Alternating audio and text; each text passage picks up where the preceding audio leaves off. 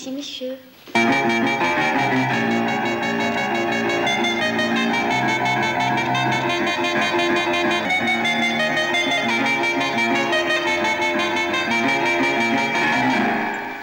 Zinema, memoria ariketa bailitzan erabili izan dute. Darabilte, darabilgu, askok. Euskarri fisikoa ematen zaio, oroimenak bestela trakeski, era sortzailean gordeko lukeenari. Zera hori, soinu iruditan. Gertakari segidan jartzerakoan ordea, oroitzea, ekintza aktibo bihurtzen da. Eta irakurketa hutsa lirudikeena, idazketa bihurtzen da. Andrei Tarkovskik behin pentsatu omen zuen, publikoari zierrara eragiteko erarik behinena kamera aurrean haren ama oroitzapena kontatzen jartzea zatekela. Hain zen benetakoa, hain boteretsua, ikusentzuleak ezingo zuen unkitu besterik egin. Horrela abietu zuen bere zazpi egitasmoetako bat. Gogoratzen gogoratzen baitzuen ama. Filmak ordea, beste hildo bati ekin zion, idazten hasia zelarik hain gauza naifa behartzuenetik, haren film komplexuenetarikoa erditu zen. Zerkalok, ispiluak, prozesu osoa islatu zuen, hasierako asmoa bainoago. Idazleak esan zuen, memoria omen txakurrik inozoena, makil bat bota eta ura ez beste edozer ekartzen digu bueltan. Oroit eta tiro hitzek izkiberdina baitituzte diogu oroititzari noski bat geratzen zaio soberan. O, borobila, tiroak eragindako zuloa, zulo iuna, nahi duguna ikusteko balio digun ate ororen behatxuloa. Oroitzen gogoratu zuen ama Joseba Sarrenandiak ere, eta haren hitzak baliatuko ditugu, Mikel Laboaren nahotxean, irugarren denboraldiko, irugarren ere muzkanpoa abiatzeko. Oroitzen zaitu danean ama,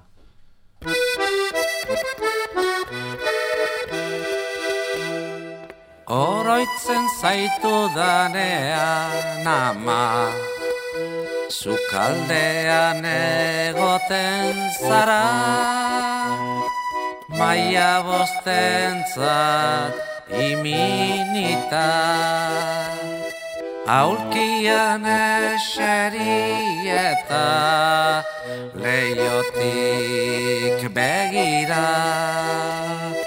Kristala lausotzen duen lurriñak endu gabe. Eta ni badakit zeure begien ondoan nagoela Eta ni badakit zeure begien ondoan nagoela.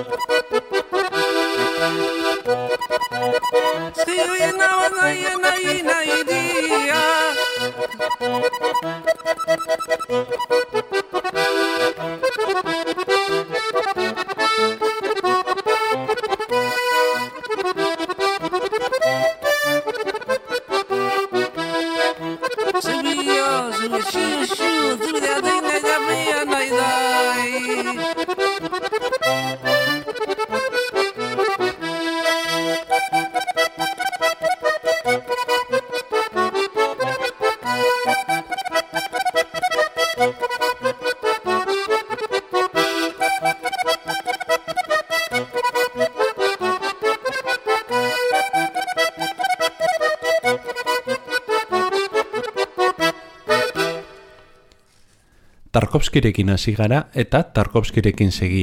Ura baita, seguruenik eta beti ere gure artxibo guztiz mugatuen arabera, jarraian etorriko zaigun resnesekin batera, memoriaz gehien arduratu izan den zinemagilea.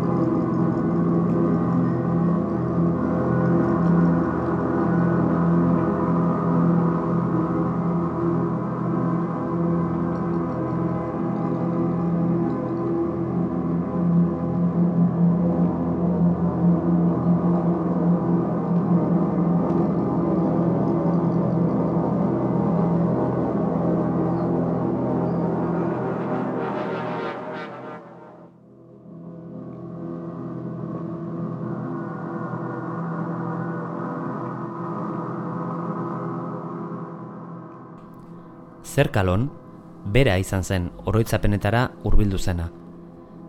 Baina kontrakoa gertatzen da solari zen. Oroitzapenak datozkigu bila, izen bereko itxasora, magmara, zerara urreratuz gero. Nahi duguna ematen digu, baina ez nahi dugula uste duguna, baizik eta barru-barruan duguna. Eta ez digu, gainera, komeniko litzaiguken moduan ematen, benetan gogoratzen dugun moduan baizik gogoratzen dugun moduan datorkigu gure desioen objektua, eta gogoratzen dugun bezalaxe portatzen da gure burua. Ahantzi nahi genukeen, baina doiorki gogoratzen ditugun bezalaxe errepikatzen dira, errepikatzerik nahi ez genukeen horiek guztiak.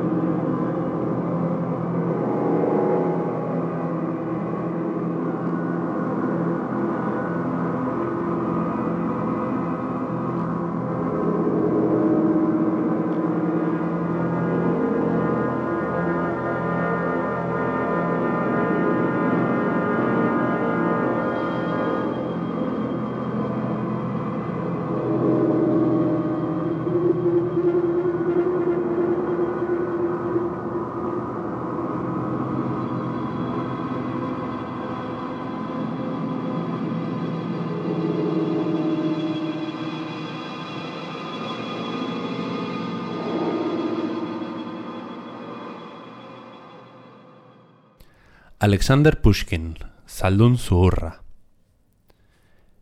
Pentsatuko aldu NSMak goroldioak hartu didala bihotza. Ez dudala sekula izan desirarik, sekula. Sekula ez dizkidala kontzientziak barrenak urratu. Piztia horrek, gonbidatu bako apopilo, desordutako solaskide. Ilargi eiundu, ilarriak zikindu, eta hilakoak erbesteratzen dituenak.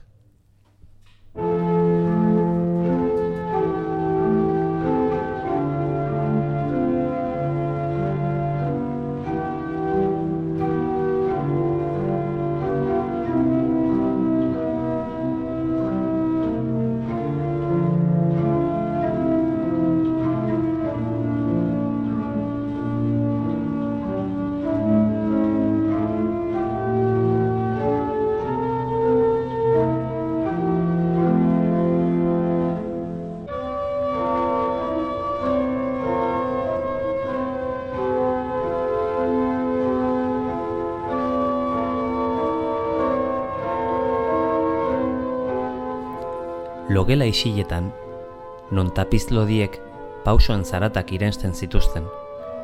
Hainbeste, ezen ezin zitezkeen norberaren pausoak entzun. Korridoreetan, egongeletan, galerietan barrena, nor bere belarriek lagunduko ez balute bezala.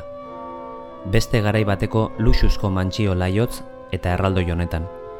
Non korridore amaigabeek beste korridore batzuetara ematen duten. Isil, mortu, dekorazio gogor, hotz batek gainkargatuta. Iztukuak, panelak, moldurak, marmola. Ispilu beltzak, margo ilunak, zutabeak, zizelkaturiko arkupeak, ateak, galeriak, egongela desertuetara jotzen duten korridore transbertsalak, beste garai batzuetako dekorazioak gainkargatuta, logela isilak, non tapizlodiek pausoen zaratak irentzen dituzten. Hainbeste, ezen ezin daitezke norberaren pausoak entzun, berrirore korridoreetan, egongeletan, galerietan barrena, nor bere belarriek lagunduko ez balute bezala, beste garai bateko luxuzko mantxio laiotz eta arraldoi honetan.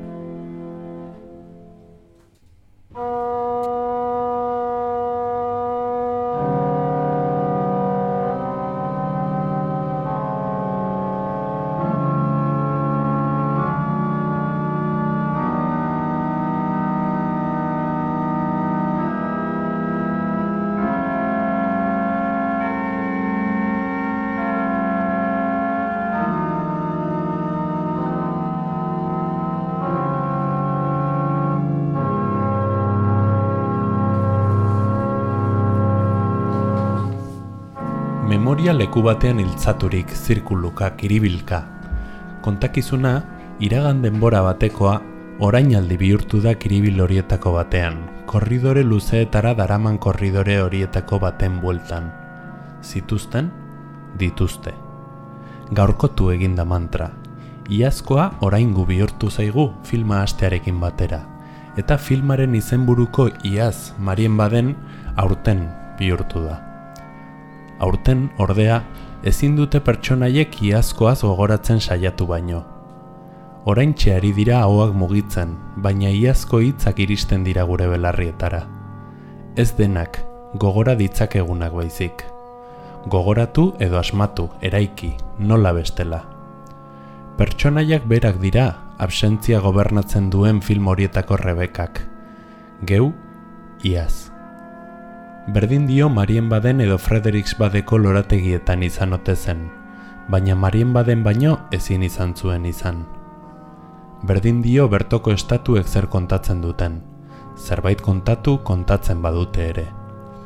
Antxe ezagutu zintudan, edo ezagutzen alzintudan lehenagotik. Ez ez, antxe ezagutu zintudan, nahiago dutala, eta zeu zara nire oroimenari axola zaion bakarra zeu, iaz, marien baden. Bada denborari ies egiten dionik, zeure senarra kasu, beti irabazten dituen joko eta nari delarik. Gu ordea, urpekariak gara iraganeko uretan, marrazo moduko urpekariak. Atzera eginik ere, aurrera jo beharrean, eta oroitzapenak erabakiekin, erruarekin eta damuarekin nahastera kondenatuta. Penroseen eskaileretan gora eta bera joan torriz. Mantra batean geu ere, hasierako paragrafoa bezalaxe, soinu bandako organoa bezalaxe. Berdin baitu non gauden. Korridore, luxu, iztuku, panel eta iragan garai bateko dekorazioa da den dena. Berdin baitu zertan gabiltzan. Biolin kontzertuan ere organoa baita entzun dezakegun bakarra.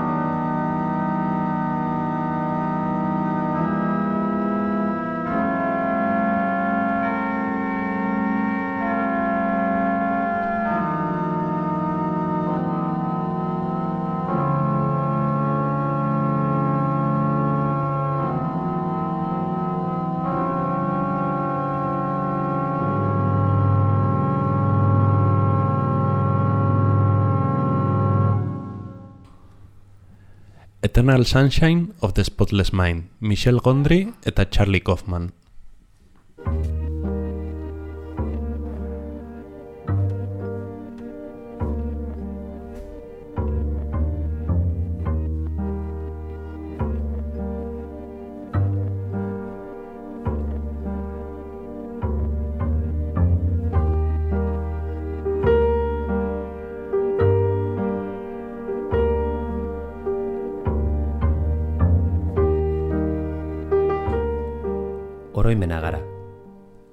Besterik ez.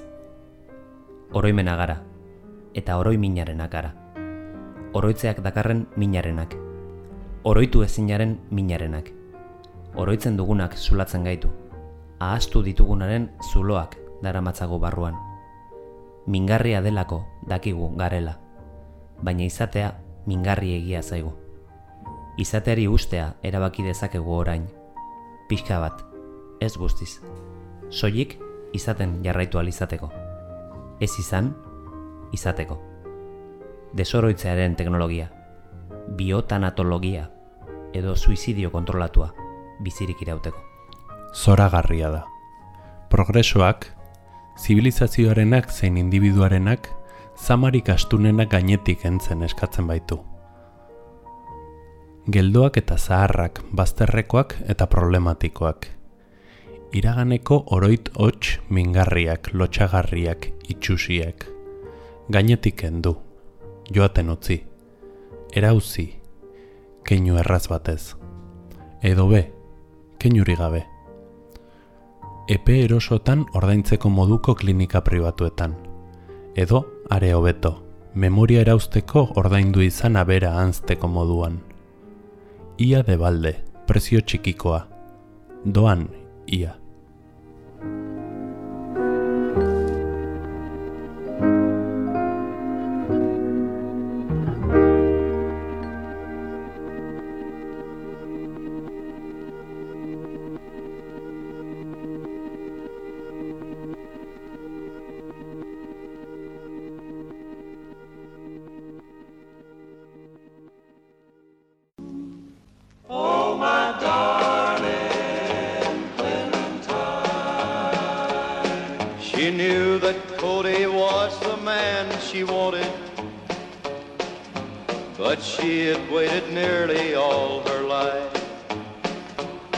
Just one more trip to town to tell the boys goodbye. Then he'd be back to take her for his wife. Don't you worry, Clementine. Cody saddled up and left his darling, then rode to town to celebrate his plan. He told them this would be his last carousing. I'm gonna settle down, boys, if I can. With my darling, Clementine. Oraindik ere, kea darien balazuloak. Itxi ez diren, zaurien eragile diren, izen abizendun oroitotxak. Zenbat itzuli egin dituen zinemak, eta gure bizitzetako filmeek ere, atzean utzitako izen propio horien inguruan. Mandarina izena du jinkarriren oroitotxak, Clementine. Ilegorridun zauri irekia. Goia ezagutu eta behea jotako bikote harremanaren oroimina. Mutil laguna ahazteko erabaki hartu zuela ahaztarazteko beharra sortuko duen neska berezia. Desoroimenaren buklea, zikloa, berren kontrua, ia karma bihurtuta. Joseba Sarnandiak iradoki gisan ies egitea, bizitzen irauteko aitzaki hautsa izan zen. So buddies make a monument to lay down at his head. Sure you hate to leave your pal behind. Mother, help your daughter put her wedding dress away. Cause Cody won't be riding back this time To his darling Clementine Ruper Ordorika eta Bek musikagileak ados egongo lirateke ziurrenez. Agurrarena da leziorik zailena, baina denok ikasten dugu azkenerako.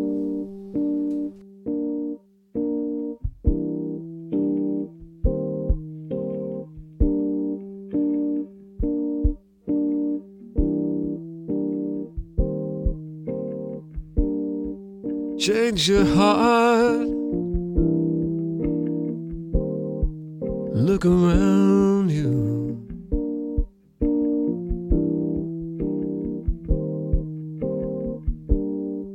Change your heart. It will astound you.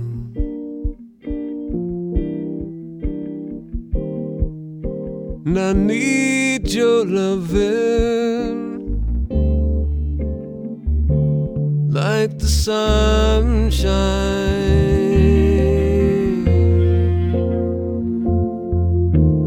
Everybody's gotta learn sometime.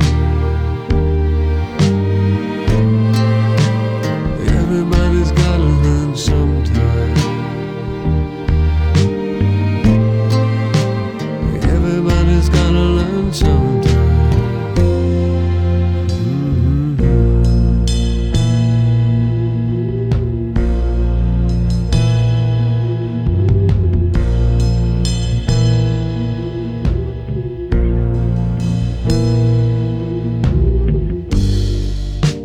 your heart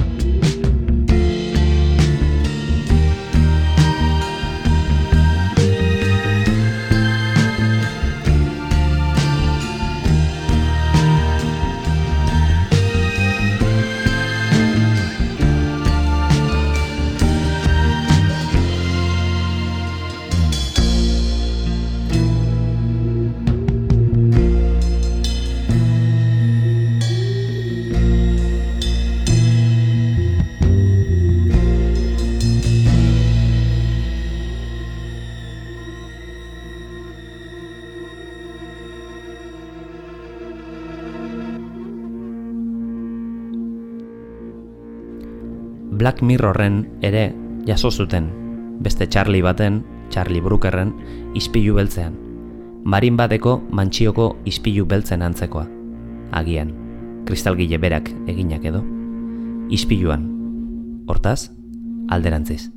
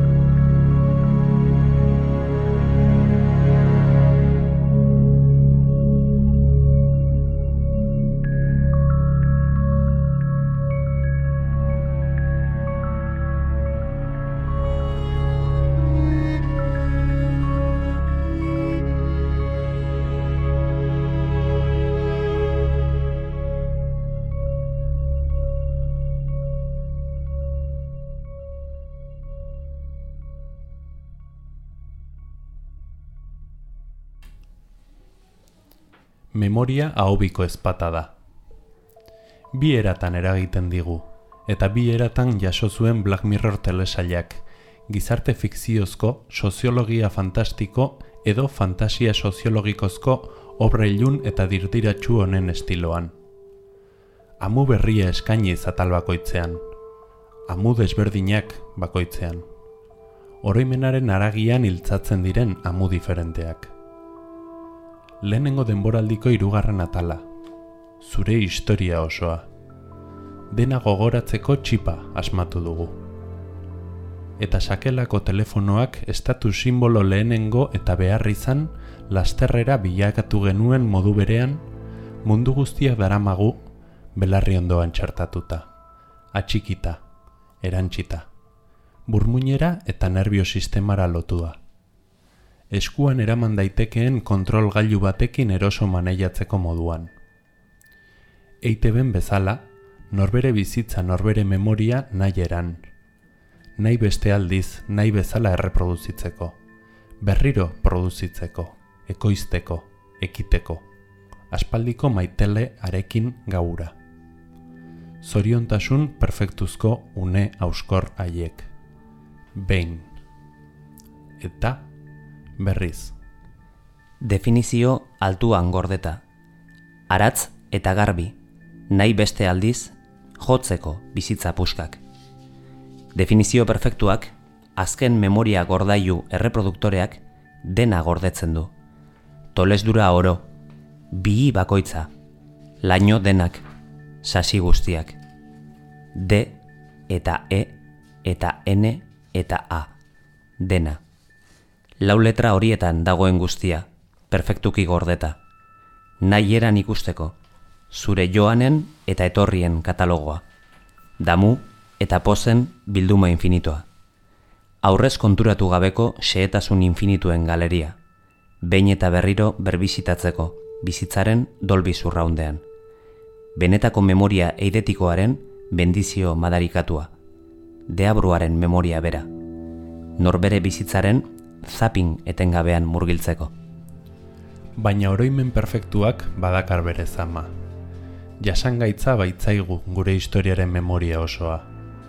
Belarriaren ondoko aragi xamurra, bizar xaflarekin ireki eta garezurrean hiltzatutako oroitzen Belarriaren ondoko aragi xamurra, bizar xaflarekin ireki eta garezurrean hiltzatutako oroitzapen txipa tiraka eta garrasika ateratzea eraman gaitzakeen ezagutza. Behin eta berriro, eta berriro, iraganeko pasarteak berrikusi, berbisitatu, berreproduzitu ostean lortutako ezagutza jasanezina. Ezin jasanezko jakite hori.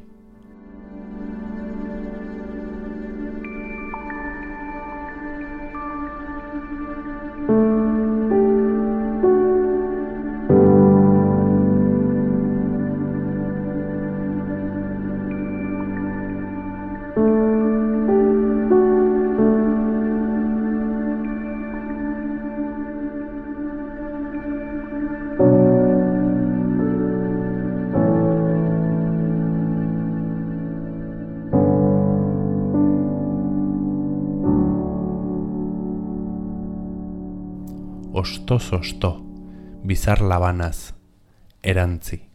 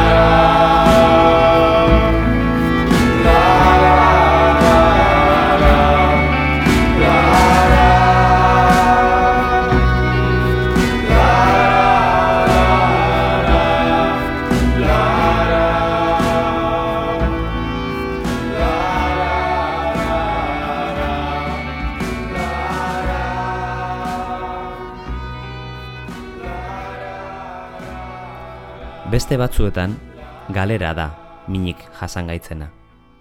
Ezin onartuzkoa. Zeru eta lurreko legeak austera eraman gaitzakeena. Aragitu egin behar dugu galdutako ura. Oroimen huts bilakatu zaigunari okela eman. Errobotikoa bada ere. Black Mirror, bigarren denporaldiko lehen atala. Be Right Back edo Laster Nator.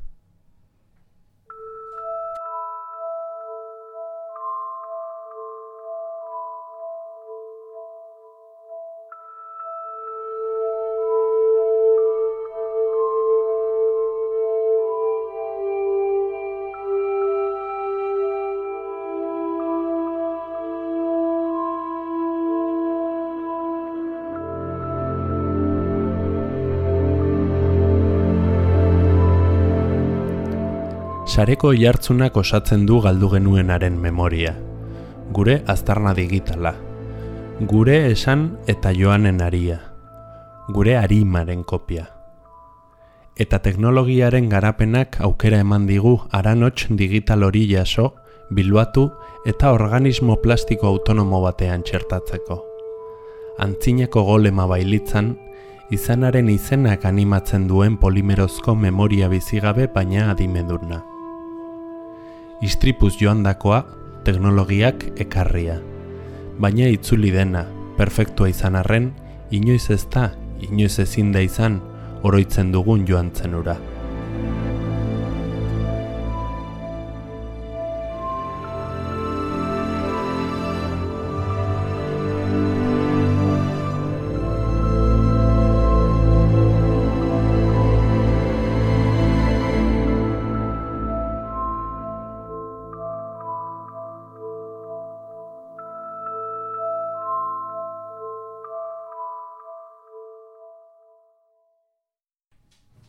Debozio zeinua zen. Beste guztiak erotzat hartzea lortzen zenuen. Burua zure nozioz bete zenidan. Beste guztiak horren mantxo iruditzea lortzen zenuen. Zure hoean netzan moskor. Beste guztiak lotxatzekoak zirela pentsatzea lortu zenuen. Banekien, sentitzen nuen eragatik, ezerk ezingo zuela berdin izan. Zure zapatetan sartu nintzen, zuzen. Zure kausa niretzat hartu eta telefonoa hartu nuen, zure partez. Ezin nuen irudikatu nolakoa zen bizitza, bakarrik nengoenean. Ta orduan arduratzen hasi nintzen, apaletan utzitako gure bizitzez pentsatzen. Telebista eta kurri gehiegi, denbora gehiegi gugan gastatuta. Eserita itxaroten, nire planaren berri eman nizun, baina lanpetu egi zeunden eskaneatuko ez ziren herrimak idazten. Eta zure diskoak utzi zen izkidan, eta nik belarri bat lagan izun. Bitxia da, orain nola dirudidan, etzinela sekula, han izan. Zure hoean netzan, Moskor, beste guztiak lotxatzekoak zirela pentsatzea lortu zenuen. Banekien, sentitzen nuen eragatik, ezerk ezin izango zuela berdin izan. Debozio zeinua zen, beste guztiak hain soiltzat hartzea lortzen zenuen. Eta orduan, mugimenduak errepikatzea otu zitzaidan lehen impresioek inoiz espaituta irauten. Ezerita eta itxaroten geunden, eta zure planaren berri eman zenidan. Lanpetu eginengoen inoiz eskaneatuko ez ziren herrimak idazten. Orain, zure disko guztiak saldu ditut, beldurra sartua zidatelako gorputzean. Bitxia da, orain nola dirudidan, etzinela sekula hemen izan. Inoiz ez benetan hemen. Inoiz ez benetan hemen. Elastika, inoiz ez hemen.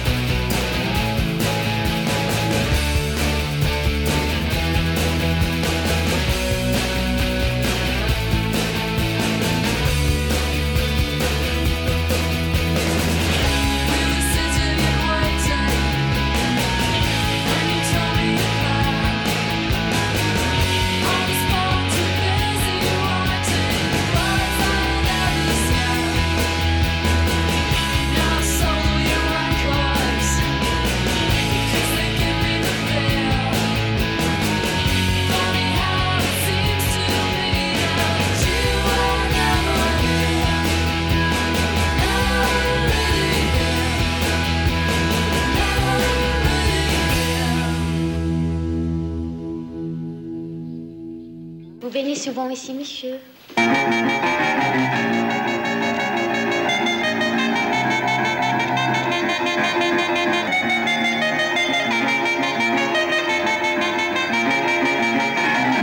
Oroimen azaritu garen honetan, Mr. X gogoratu gara, marke beretez, eta bere Hills taldeak abestu zuen memoria selektibo ez.